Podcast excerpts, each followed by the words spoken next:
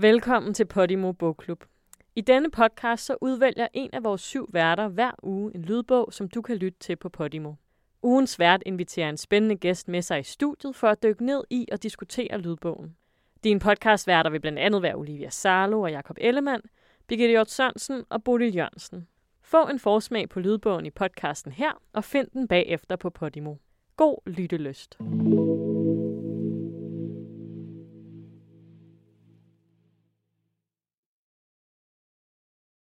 Det var også noget, der fangede mig i den her bog. Der blev jeg også sådan, hvad fanden sker der for vores samfund? Altså, det er jo børn, der er ude at dræbe. Både øh, drabet på Frederiksberg, på de tre unge mænd, men også det her drab for 1000 kroner. Det er jo ganske unge drenge, og det rørte mig virkelig meget. Jeg blev virkelig, virkelig ked af det. Velkommen til Podimo Bogklub. I denne uge så står bogklubben i true crime-genrens tegn, når vi dykker ned i bogen Efterforsket. Bogen den er skrevet af Jens Møller Jensen i samarbejde med Stine Boder, og den er indlæst af Lars Addermann. Ugens vært er Carsten Norton, og han har inviteret Melissa Hussein med sig i studiet. God fornøjelse.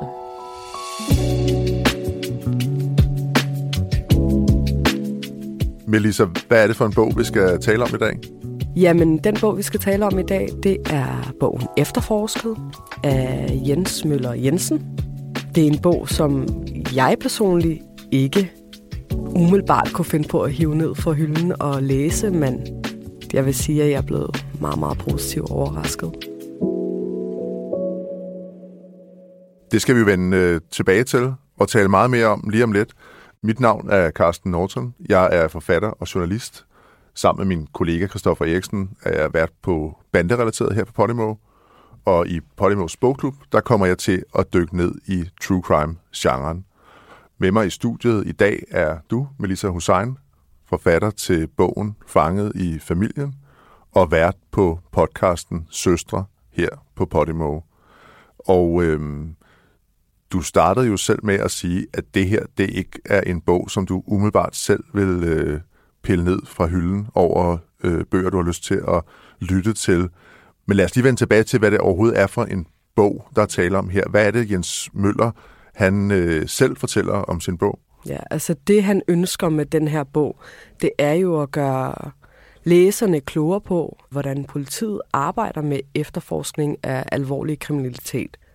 Han synes ikke, at det gør noget, at folk de ser det som underholdning, men det er ikke derfor, han vælger at skrive den her bog. Det er simpelthen, fordi han gerne vil skabe mere tryghed i vores øh, samfund i Danmark. Denne bog handler om de mange forskellige sager, mine folk og jeg har efterforsket igennem de år, hvor jeg var leder af afdelingen for personfarlig kriminalitet. Pressen kalder ofte afdelingen for drabsafdelingen, men det er ikke en dækkende betegnelse, for den afdeling efterforsker meget mere end drab. Mit ønske er, at vi med denne bog kan være med til at gøre lytterne klogere på, hvordan politiet arbejder med efterforskning af alvorlig kriminalitet. Det gør ikke noget, hvis I læser synes, at bogen er spændende, men det er ikke ment som underholdning. For mig er det vigtigt at skabe viden om politiets efterforskningsarbejde, og hvis bogen kan være med til at minimere den utryghed, som jeg ved indimellem florerer i dele af samfundet, vil det glæde mig. Det er jo ikke øh, nogen hemmelighed, at en af grundene til, at jeg synes, det er særlig interessant at tale med lige præcis dig om denne her bog, det er jo, at du selv har oplevet at have en ekstrem voldsom forbrydelse helt tæt inde på livet. Du har oplevet at miste din bror, som øh, blev dræbt i øh, bandemiljøet.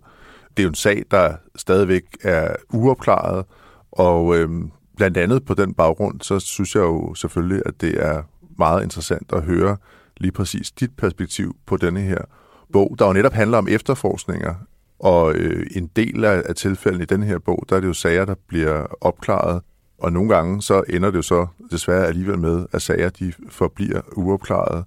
Men hvordan har, har det været for dig at, at lytte til de her sager? Altså, jeg ved jo godt, at der findes alvorlige forbrydelser, fordi jeg har haft det så tæt ind på livet, øh, og jeg er vant til at høre om dem og læse om de her ting. Men øh, det gjorde da et stærkt indtryk på mig at høre om alle de her historier. Men altså, jeg blev meget positivt overrasket over Jens, fordi at han samtidig med, at han kan holde det professionelt, så går det ham også på, at der er nogle sager, som de kan opklare. At mærke det der menneskelige, synes jeg var rigtig rart, fordi at, nu kommer jeg til at være helt ærlig, jeg har jo ikke haft den største tiltro til efterforskningen, netop fordi, at min brors øh, død er uopklaret. Og jeg har tænkt meget, han er jo bare et tal. Han er bare et nummer. Og det er det, pårørende står tilbage med, når de her drab ikke bliver opklaret. Det er ikke kun mig, der har det på den måde. Så det var rigtig rart at kunne mærke det der menneskelige, hvor det faktisk påvirker ham rigtig meget, at der er de her ja, uopklarede sager, og, og det går ham på, at øh, børn bliver slået, og kvinder bliver voldtaget, og, og så videre, så videre, ikke? Så ja, det har gjort stærkt indtryk på mig. Og øhm, jeg tænker, at vi skal dykke ned i øh, en af de helt store sager i denne her bog. Før vi gør det, så skal jeg lige huske at præcisere, at Jens Møller Jensen har skrevet denne her bog i samarbejde med journalist Stine Bolter.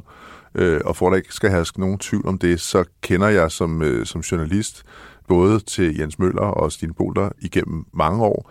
Jeg har også været en af de journalister, der hele tiden ringede til Jens Møller og spurgte ham til, hvordan det gik med efterforskningen i nogle af alle de her sager, han har været på i tidens løb. Altså han er jo fortæller jo selv, at det er blevet til omkring 128 drabs efterforskninger i løbet af hans lange karriere. Og en af de måske mest spektakulære sager, som også er med i den her bog, det er den, der bliver kendt som trippeldrabet på Frederiksberg. Og hvis vi lige skal starte med at riste den op, så sker der jo det, at den øh, 11. November i 2015, der er der nogle gerningsmænd, der kravler op øh, et stillads til en lejlighed på det ydre Frederiksberg, lige på grænsen til Valby. De skaffer sig adgang til den her lejlighed gennem et vindue. Inde i den her lille bitte lejlighed, der ligger der tre unge mænd og sover. Og der sker simpelthen det, at de bliver skudt og dræbt, kort sagt likvideret, mens de ligger og sover fredeligt i deres senge i den her lejlighed. Det syn, der mødte efterforskerne, da de kom ud til den lille lejlighed, var barskt. Tre unge mænd lå dræbt. To af deres kammerater havde låst sig ind i lejligheden omkring kl. 14 og havde fundet deres venner. Få minutter efter, kl. 14.04, ringede de 112. Og følgende dialog, der senere blev afspillet i retten, fandt nu sted. Det er alarmcentralen. Vi har tre livløse mænd, mand. Hvad er der sket? Jeg ved det ikke. Der er blod over det hele. De er helt kolde. Jeg aner ikke, hvad der er sket. Det er mine venner. Det er mine kammerater. Kom nu herud, mand. Der skal komme ambulancer. Vi er på anden sal. Ambulancen ankom 12 minutter senere, og en læge erklærede alle tre unge mænd for døde. Udover det så er en af de mest voldsomme sager, der er i bogen, så er det også en sag, som du har taget med i dag, som vi skal dykke lidt mere ned i. Hvordan har det været for dig at høre om den her historie? Den historie gjorde mig rigtig ked af det. Der fældede jeg lige en tårer, øh, fordi at jeg kan slet ikke sætte mig ind i, at folk kan finde på at kravle ind, ind i en lejlighed igennem vinduet og dræbe sovende unge mænd. Og så gjorde det bare et særligt indtryk på mig, at de var så unge, de her drenge. Både dem, som der blev sigtet og dømt for det her, men også de andre. Og så for mig, så handlede det jo bare om hævn på en måde. Altså det er sådan, jeg læste. Et øje for et øje, et tand for en tand. Du har gjort noget engang imod øh, min bror, så nu er det okay, at jeg dræber dig, mens du ligger og sover. Det påvirker mig rigtig meget, ja. Altså til at starte med, da politiet kommer frem til denne her lejlighed, så øh, når de jo faktisk også at melde ud til offentligheden, at det, det ser ud til, at de er blevet dræbt med det, man kalder stump vold. Altså at de er blevet slået, og så er de så døde af deres kvæstelser. Først senere, efter øh, ligesyn og efter en obduktion, kommer det frem, at de faktisk er blevet skudt med, med to forskellige våben inde i lejligheden. Og så starter der jo så det her kolossalt lange efterforskningsarbejde. Jens Møller fortæller os selv i bogen, at øh, i, i lange perioder, der føles det næsten som om efterforskningen går i stå. De kan ikke rigtig få hul på bylden, de kan ikke rigtig finde ud af, hvad er motivet til, at de her øh, unge mænd er blevet dræbt. De finder ikke nogen gerningsvåben. De har ret lang tid om at finde ud af, hvad er det overhovedet for en slags våben, der er blevet brugt til at, at skyde dem med. Du har jo selv prøvet at være i den situation, at man står som pårørende og egentlig bare venter på, at nu kommer politiet og fortæller en, hvordan det hænger sammen. Mm. Altså, hvordan er det for dig at, at høre og læse om det her lange, lange efterforskningstræk? Ja, altså, jeg blev sådan lidt øv, Jens. Der var jo øh, den her vandløsgruppen. Efter drabet på deres tre venner, så begyndte de jo selv at adskaffe sig våben for at beskytte sig selv, fordi de mente, de var i fare, øh, eller fordi de følte sig i fare. Og der synes jeg, at politiet, altså de efterforskning brugt rigtig mange ressourcer på at have fokus på at stoppe dem, så de ligesom skulle stoppe med at rende rundt med våben, og det gik ud over efterforskning af de her tre unge mænd, som der døde i lejligheden på Frederiksberg. Og der var jeg sådan lidt, ej, det, det er ikke okay. I skulle have sat nogle større eller flere mænd på, ikke? Øh, så der kunne jeg godt mærke, at det, det var jeg lidt øv over. Men altså, de tænker meget bredt, ikke? Øh, og det handler jo ikke kun om de her tre unge mænd, øh, om at opklare det, men det handler rent faktisk også for efterforskning om at stoppe en bandekonflikt. Og der brugte de lidt ekstra tid på, eller brugte de lidt flere ressourcer på det end det andet, ikke? Men jo, ja, det, det påvirker mig lidt. Jeg følte, at der manglede lidt hænder. Altså at de mere går over i noget, hvad skal man sige, noget forebyggende, i stedet for at fokusere på den Ja, på at opklare mordet, ja. så vælger de at fokusere på det forebyggelse. Altså, eller så vælger de at fokusere på ikke at starte en bandekonflikt, hvilket jeg godt kan forstå, men det gik bare ud over efterforskningen af drabet på de her tre unge mænd i, i lejligheden. Ikke? Det skriver Jens også i sin bog, at det var på grund af det, at det tog lidt længere tid, fordi de havde fokusen lidt et andet sted. Ikke? Det mener jeg er rigtig ærgerligt, at der er nogle morder, der går frit rundt, fordi at politiet ikke har nok ressourcer. Ja, det er jo virkelig et langt sejt, sejt træk. Altså til at starte med, der står politiet jo også altså, i, i bogen ret uforstående over for, hvorfor de skulle øh, slås ihjel, de her tre unge mænd. Og politiet går også i mange forskellige retninger egentlig for at finde ud af, hvad er det for et øh, motiv, der er. Altså Jens gør meget ud af at forklare det her med, at motivet faktisk er rigtig vigtigt, også for politiet i efterforskningen. Det er ikke nok bare at konstatere, at, at der ligger tre lige i en lejlighed. Man skal også finde ud af, hvorfor er de blevet dræbt, fordi det er jo sådan afgørende i forhold til at give et fingerpeg om, hvor man skal lede efter en gerningsmand eller flere, som det er i det her tilfælde. Og så i sådan en sag som denne her, der er der jo også et meget kompliceret billede, altså du er selv inde på det, der er noget med nogen, der har trådt hinanden over tæerne tidligere, der ligger sådan noget gammelt nag på en eller anden måde, at der er nogle ting, der skal hævnes, og så er man villig til at tage de her ekstreme metoder i brug. Ja, og så er der jo en, der bliver omtalt som M i bogen. Altså det, der også undrede mig rigtig meget i bogen, det var jo, at de her tre unge mænd bor i øh, M's mors lejlighed. Og M, han bliver jo efterfølgende en af de sigtede i den her sag. Og det er jo rent faktisk ham, som der fortæller krigsministeren fra Banditers, at de ligger i den her lejlighed. Og så jeg kan godt forstå, at, de, at det gør det sværere for dem, fordi de ligger jo og sover i en af vennernes, øh, ja, en af lejlighederne, ikke? det er jo et af sporene, det er det med denne her lejlighed. Hvorfor ligger de tre overhovedet og sover i denne her lejlighed? Det finder politiet jo så ud af. De har også et langt, langt forløb, hvor de prøver at finde ud af, hvad er det for nogle våben, der er blevet brugt. Og der hører vi jo så om de her teknikere, der simpelthen på baggrund af, af nogle altså patronhylstre begynder at undersøge, begynder at prøveskyde alle de våben, politiet har i deres samling, for at finde ud af, hvad, hvad kan det være for et våben, der er blevet brugt, i hvert fald til at dræbe mindst en af de her unge drenge i lejligheden. Og der finder de så ud af, at det er en, en bestemt type skydevåben, som de så går ud og, og efterlyser i offentligheden. Altså politiet beder offentligheden om hjælp gennem medierne til at finde ud af, hvor kommer denne her pistol fra, eller revolver er det. Og øh, der får de jo faktisk en henvendelse. Der får de en henvendelse fra et, et vidne, som fortæller, at han har på et tidspunkt været i en øh, kolonihaveforening, hvor han har siddet i et havehus, og der har han overværet. Og han har endda selv holdt det. Præcis. Han har simpelthen siddet og holdt det her skydevåben i forbindelse med, at det bliver handlet i det kriminelle miljø. Og det er jo en helt vild oplysning for politiet at få på det her tidspunkt i efterforskningen, hvor de faktisk er gået lidt i stå.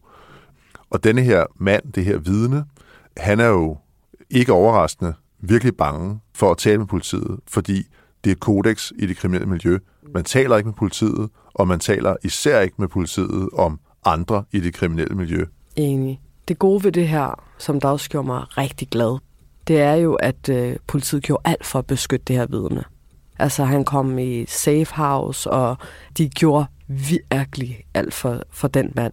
Men også respekt for den unge mand, som sted, altså stod frem og fortalte, hvad der skete. Altså, han, han gjorde det jo, fordi at han synes, det var forkert. Altså, selv i bandemiljøet, så er der bare nogle ting, man ikke gør, og man går igen. Det er kyjonsagtigt at gå ind i en lejlighed og dræbe sovende unge mænd på den måde. Så at han kunne se bort fra sin egen sikkerhed og øh, sætte det lidt på spil for ligesom at opklare noget, synes jeg var rigtig godt gjort af ham. Jeg tror, at den person, der henvendte sig til os, og som blev vores kronvidne i sagen, har følt, at man med likvidering af tre sovende mænd var gået over stregen. Også mennesker i kriminelle miljøer kan få nok. Den voldshandling var så brutal, at han ikke kunne acceptere at skulle skjule sin viden for evigt. Der var ingen tvivl om, at mistanken havde nædet ham. Han kunne ikke skubbe tanken om, at den overdragende revolver kunne være gerningsvåbnet fra sig. Og så gør politiet så det, det hører vi også om, at en af deres metoder til ligesom at sikre sådan en vidneforklaring, og det er jo så lidt teknisk, så holder man det, der hedder et inden, en indretteligt forhør, hvor man simpelthen trækker vidnet ned i retten, så han kan udtale sig under vidneansvar om, hvad det er, han helt konkret ved, og så gør politiet jo så efterfølgende et eller andet for at beskytte ham, og det får vi ikke ret meget at vide om, kan Nej. man godt sige. Der sker jo så det øh, triste, kan man sige, at han så faktisk dør, ikke som følge af en forbrydelse eller noget andet. Han, han afgår ved døden, inden øh, sagen den er færdig opklaret. Og det understreger jo så i virkeligheden også kun, hvor vigtigt det var, at politiet ikke ventede med at bruge ham som vidne under en retssag, men sikrede sig det her spor undervejs i efterforskningen, som jo så blev helt udsatsgivende for, at øh, der faktisk er nogen, der bliver dømt i denne her sag. Og der er faktisk to personer, der var både ham, og så var der også et andet vidne, der afgik ved døden. Og der blev jeg sådan lidt, da jeg læste, hvad? Er I sikre på, at der ikke er nogen, der har gjort et eller andet? Fordi det er da ret pudsigt, at det er to vidner i samme periode, som der ender med at dø. Men, øh, men ud fra bogen, jamen, så var det bare helt øh, naturlige årsager. Ja, og det er jo også et øh, ekstremt hårdt miljø, det her foregår i. Ja, folk er, tager mange stoffer, og ja. Det er jo sådan ret gennemgående i øh, Jens Møller Jensens fortælling, at han ikke sætter navn på nogen. Altså, du er lidt inde på undervejs, at der er nogen fra Banditers, der er nogen fra en øh, vandløse gruppe, der er noget forskelligt bandekonfliktmateriale, der ligger ulmer under det her øh, såkaldte trippeldrab, som pressen jo altså døbte øh, denne her sag. Men vi hører ikke noget om, hvad de tre unge mænd hedder. Vi hører faktisk heller ikke noget om, hvad gerningsmændene hedder. Hvad synes du om, om det valg, som det jo er i en bog, at man simpelthen ikke navngiver nogen af personerne? Det synes jeg er rigtig godt, for det gør jeg også selv. Jeg har jo skrevet bogen Fanget i familien, og der skriver jeg jo også om øh, det kriminelle miljø. Og der, ja, jeg holder mig til forbogstavet. Og det kan jeg også se, at Jens gør. Og det synes jeg er rigtig godt, fordi det er jo ikke for at genere nogen unødvendigt, at øh, øh, man stiller sig frem med og altså udgiver en bog. Det er jo for at skabe en tryghed eller en forståelse af et bestemt miljø. Ikke? Altså vi kan tage den, der hedder Bokseren, hvor det er en, en kvinde, som der bliver stukket ned og dræbt i en lejlighed på Amager. Vi ved jo begge to godt, hvad hun hedder i virkeligheden. Må vi egentlig sige navnet? Det er jo ikke nogen hemmelighed. Man kan godt google sig til, hvad, hvad mange af de her personer hedder. Man kan også godt google sig til, hvem der blev dømt i trippeldrabet, men det er jo så et valg, som Jens Møller Jensen og Stine Bolter har foretaget i denne her bog, at, ja. hvad skal man sige, at fokus faktisk er på efterforskerne, og ikke på identiteten hos offer og gerningsmænd. Altså, fordi vi hører jo faktisk øh, meget præcis, hvem hans kollegaer er, hvad de hedder, og hvad deres titler er. Så på den måde er det jo en bog, der har en tydelig, øh, hvad skal man sige, politivinkel som afsender. Ja. I, I forhold til mange andre bøger om det her emne, hvor det måske er på gerningsmændene og offrene, der er fokus. Ja, det er rigtigt, og det, det synes jeg er rigtig godt, fordi at det er jo ikke der, fokus skal, skal ligge. Den skal ligge på deres arbejde. Det er jo hele hans mission med det her, at prøve at skabe en, en tryghed i, i det danske samfund. Og så har han bare, så kan man bare mærke respekten for offrene og for menneskerne, der er involveret i den her sag, ved ikke at nævne dem ved navn, eller nævne specifikt, hvem det handler om. Det synes jeg kun er en god ting. Men altså lad os bare dykke ned i sagen om bokseren, som du allerede har været lidt inde på. Min mobils kimen vækkede mig en tidlig morgen torsdag den 26. november 2014. I den anden ende var den centrale efterforskningsleder, der fortalte, at han netop havde været i en fjerdesalslejlighed på Amager, hvor en 39-årig kvinde var blevet knivdræbt i sin venindes hjem. Ifølge flere chokerede veninder var gerningsmanden en 28-årig mand, der var stukket af fra stedet og endnu var på fri fod. Det er jo sådan kort fortalt en sag, der handler om en 38-årig kvinde, der havde været en øh, dygtig kampsportsudøver. Hun øh, sidder en aften, en sen nattetime, og, øh, og, og får nogle drinks sammen med nogle veninder i en, øh, en lejlighed. Hun har et gammelt udstående med en person i det kriminelle miljø. Ja, hvor hun rent faktisk er blevet stukket ned, og hvor hun så bliver kaldt for stikker af den her person. Ja, der er nogle beskyldninger mod hende om, at hun skulle have stukket nogen i det kriminelle miljø. Og igen, det er jo et af de her kodex, der er øh, i, i, i den verden, at det gør man ikke. Det, der var meget specielt i den her øh, sag, og det, der kommer til at ske, det er, at hun jo selv beslutter sig for at invitere denne her person, som hun har et udstående med, øh, ud til denne her lejlighed. Klokken er halv fire om morgenen. Der er en af de andre i selskabet, der ringer til manden fra det kriminelle miljø, som dukker op sammen med sin kæreste. Den 38-årige kvinde, hun stiller sig på lur ude på badeværelset i den her lille lejlighed. Hun stikker et dameblad ned i øh, bukselændingen, fordi hun måske er bange for, at øh, hun kan blive stukket med en kniv i det næste, der kommer til at ske. Og så lægger de jo simpelthen den her sådan ret snedige plan, der skal lokke manden fra det kriminelle miljø ud på badeværelset. Mm. Det blev jeg faktisk meget overrasket over. Altså, da jeg læste den, der fik jeg sådan en helt klump i halsen, fordi at det var jo virkelig planlagt at sige til en mand, prøv du har altså noget på kenden. Og det får jo manden til at rejse op og løbe ind på toilettet, og så står hun så bagfra og lurer der, ikke? Og så udvikler det sig så til ja, et kæmpestort slagsmål, hvor hun bliver stukket og yeah. afskillige gange også endda, så han vælger endda at gå ud og skille veninderne ud, og så kan han høre en lyd fra toilettet, og så vælger han gå tilbage og gøre det færdigt. Og det skal lige siges, at øh, den her kvinde er jo en utrolig stærk kvinde, og jeg har også hørt fra miljøet, at hun var en kvinde, som øh, der bankede mændene. Altså, hun, hun var en stærk kvinde. Hun, øh, hun gav en prøl. Så det var en stærk modstander, han var op imod. Men jeg synes, det var... Jeg kan godt lide den måde, Jens han beskriver situationen på. Hun er jo et offer, og det bliver der lagt væk på.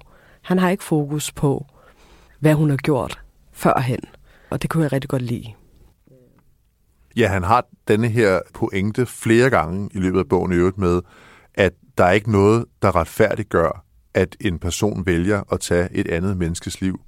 Altså, fordi han, han dvæler jo ved denne her sag til sidst i, øh, i kapitlet og siger, at øh, når jeg tænker tilbage på denne her sag, så var den usædvanlig, fordi offeret faktisk selv havde opsøgt en konfrontation med gerningsmanden. Altså den person, der så ender med at slå hende ihjel. Men han pointerer så også igen det her med, jamen altså uanset hvad, så var det ham, der valgte at tage hendes liv, og ikke omvendt. Ja. Må alle de dræbte i bogen Hvile i fred i hvert fald. Det var hård læsning, synes jeg.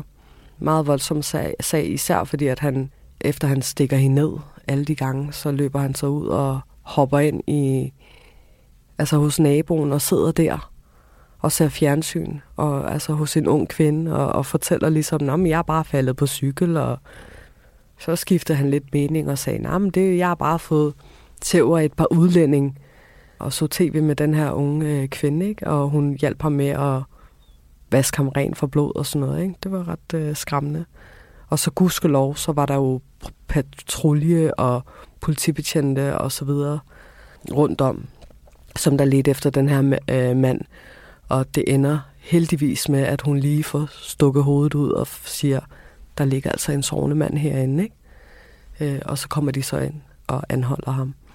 Og det er jo ret vildt. Altså, det er jo en helt vild historie, at denne her fyr, han efter at have slået en kvinde ihjel på et badeværelse, simpelthen går over i en nabolejlighed, og som du siger, sætter sig ned og ser TV2 News i flere timer, og faktisk jo sidder og følger med i, at, Hvad der, sker. at der er blevet fundet ja. en dræbt person i ja. området.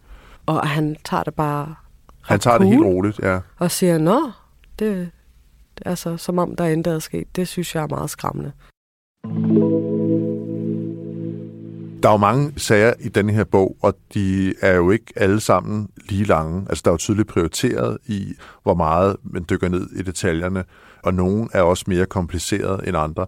En af de sager, som jo beskrives relativt kort, men som jo ikke desto mindre også er ekstremt tragisk, det handler om drabet på en taxachauffør. Det er den sag, som i bogen bliver kaldt drab for 1000 kroner. For 1000 kroner, ja. Puha. Øh. Puha. Der blev jeg sådan, ej, da jeg læste den, der, altså, det er jo en helt almindelig, han bliver også beskrevet øh, som person af Jens i bogen, altså en virkelig øh, rar mand. Og han skal egentlig bare på arbejde. Og så er der nogle unge mennesker, som der bevidst stopper en taxichauffør og lader som om, at de skal have en cykel med og overfalder den her mand for 1000 kroner. Tænk, at en mand skal dø for 1000 kroner. Og så er der jo flere. Altså, de her unge mennesker, de er jo også involveret. De har jo ødelagt deres liv på grund af sølle 1000 kroner. Ja, og flere af dem er 17 år ja, det på det, det her tidspunkt. Det er ja. det. Det var også noget, der fangede mig i den her bog. Der blev jeg sådan, hvad fanden sker der for vores samfund? Altså, det er jo børn, der er ude at dræbe både øh, drabet øh, på Frederiksberg, på de tre unge mænd, men også det her drab for 1000 kroner. Det, det er jo ganske unge drenge, og det rørte mig virkelig meget. Jeg blev virkelig, virkelig ked af det.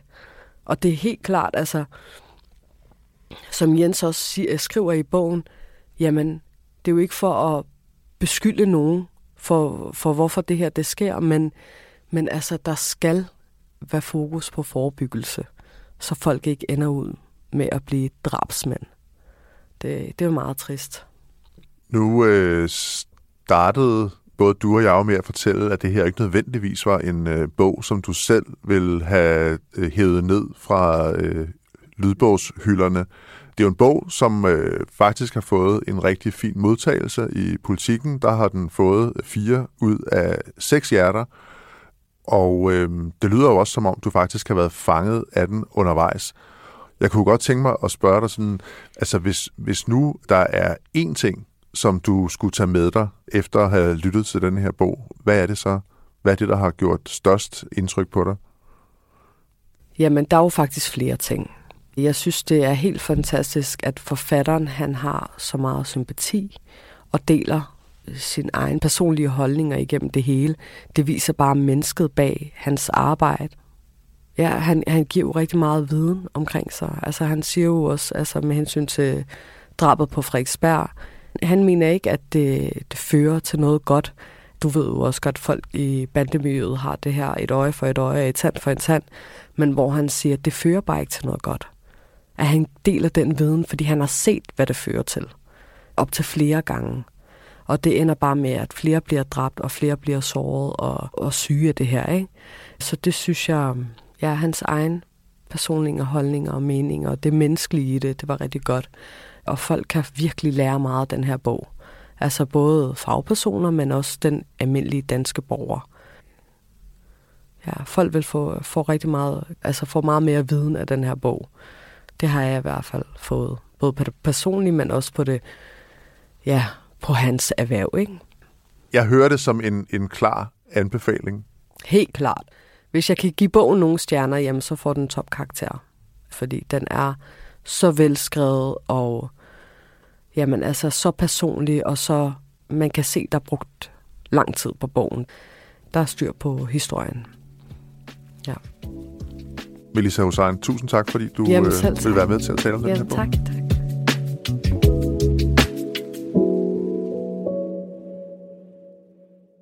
Tak fordi du lyttede med. Hvis det har vagt en nysgerrighed hos dig, så har du nu muligheden for at lytte til bogen Efterforsket af Jens Møller Jensen og Stine Bolter på Podimo. God lyttelyst.